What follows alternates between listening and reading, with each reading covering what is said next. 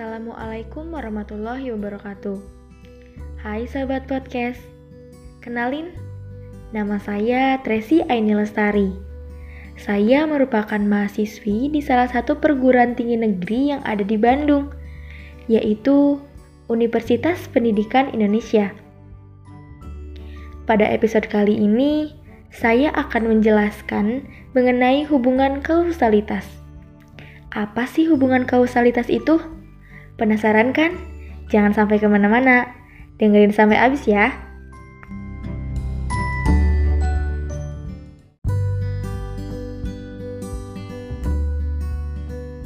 Kausalitas atau sebab akibat adalah proses penalaran yang diperoleh dari gejala-gejala yang saling berhubungan. Sebab akibat merupakan suatu paragraf induktif yang di mana kalimat utama akan diletakkan di akhir paragraf atau sering disebut dengan kesimpulan. Terdapat tiga jenis kausalitas. Yang pertama, sebab akibat.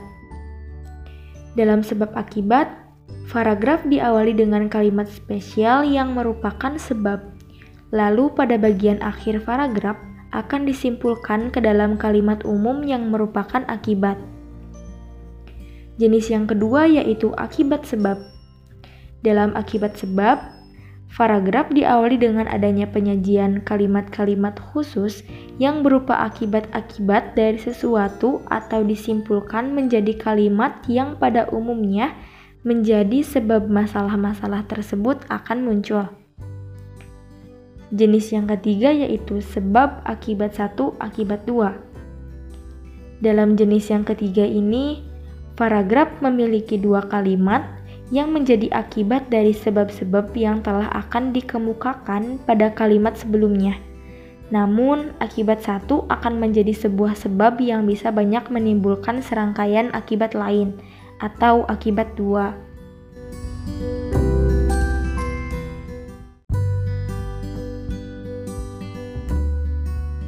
Yang kedua, hasil panen para petani di desa Blora tahun ini tidak sangat memuaskan Ribuan hektar sawah hanya bisa dipanen seperempatnya. Banyak tanaman padi yang mati sebelum waktunya. Karena serangan dari hama, tikus, bulang sangit, atau lain-lain. Keadaan ini membuat petani cukup banyak kesulitan untuk dapat memenuhi kebutuhan sehari-harinya. Mereka harus memutar otak untuk dapat menemukan cara jalan keluar dari permasalahan ini. Tidak hanya yang berakibat pada petani saja, Gagal panen tahun ini juga berakibat pada banyak kosongnya beras di pasar, sehingga membuat harganya menjadi naik hampir dua kali lipat daripada biasanya. Permasalahan ini yang akan muncul ialah keringnya sumber-sumber mata air, sehingga membuat setiap orang akan kerepotan untuk mendapatkan air yang bersih. Ditambah lagi cuaca yang sangat panas sehingga menusuk sampai tulang. Semua permasalahan-permasalahan di atas akan timbul karena disebabkan oleh kemarau yang akan terjadi tahun ini yang lumayan panjang.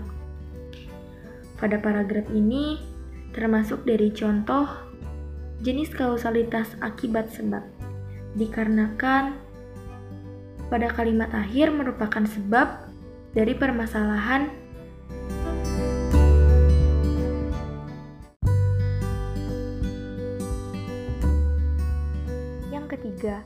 Kerusuhan yang sering terjadi pada beberapa tahun lalu membuat uang sangat sulit untuk didapat. Banyaknya uang yang hilang terbakar maupun juga rusak. Oleh sebab itu, pemerintah kembali mencetak uang yang sebanyak-banyaknya untuk mengganti uang-uang yang hilang tersebut. Akan tetapi, apa yang harus dilakukan oleh pemerintah saat itu membuat uang yang akan beredar di masyarakat cukup banyak atau terjadilah hyperinflasi yang akibatnya uang menjadi tidak berharga dikarenakan adanya peredaran yang sangat banyak dan juga terjadinya krisis moneter. Ini termasuk contoh dari sebab akibat satu akibat dua, dikarenakan terdapat akibat satu dan akibat dua di dalam paragraf ini.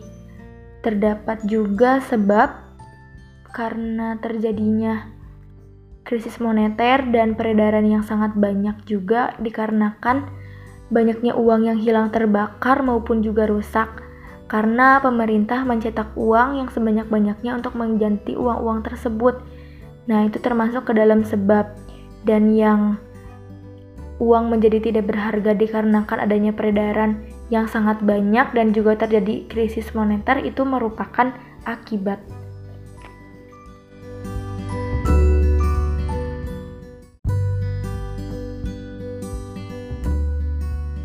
Cukup sekian yang dapat saya sampaikan. Mohon maaf apabila terdapat banyak kesalahan.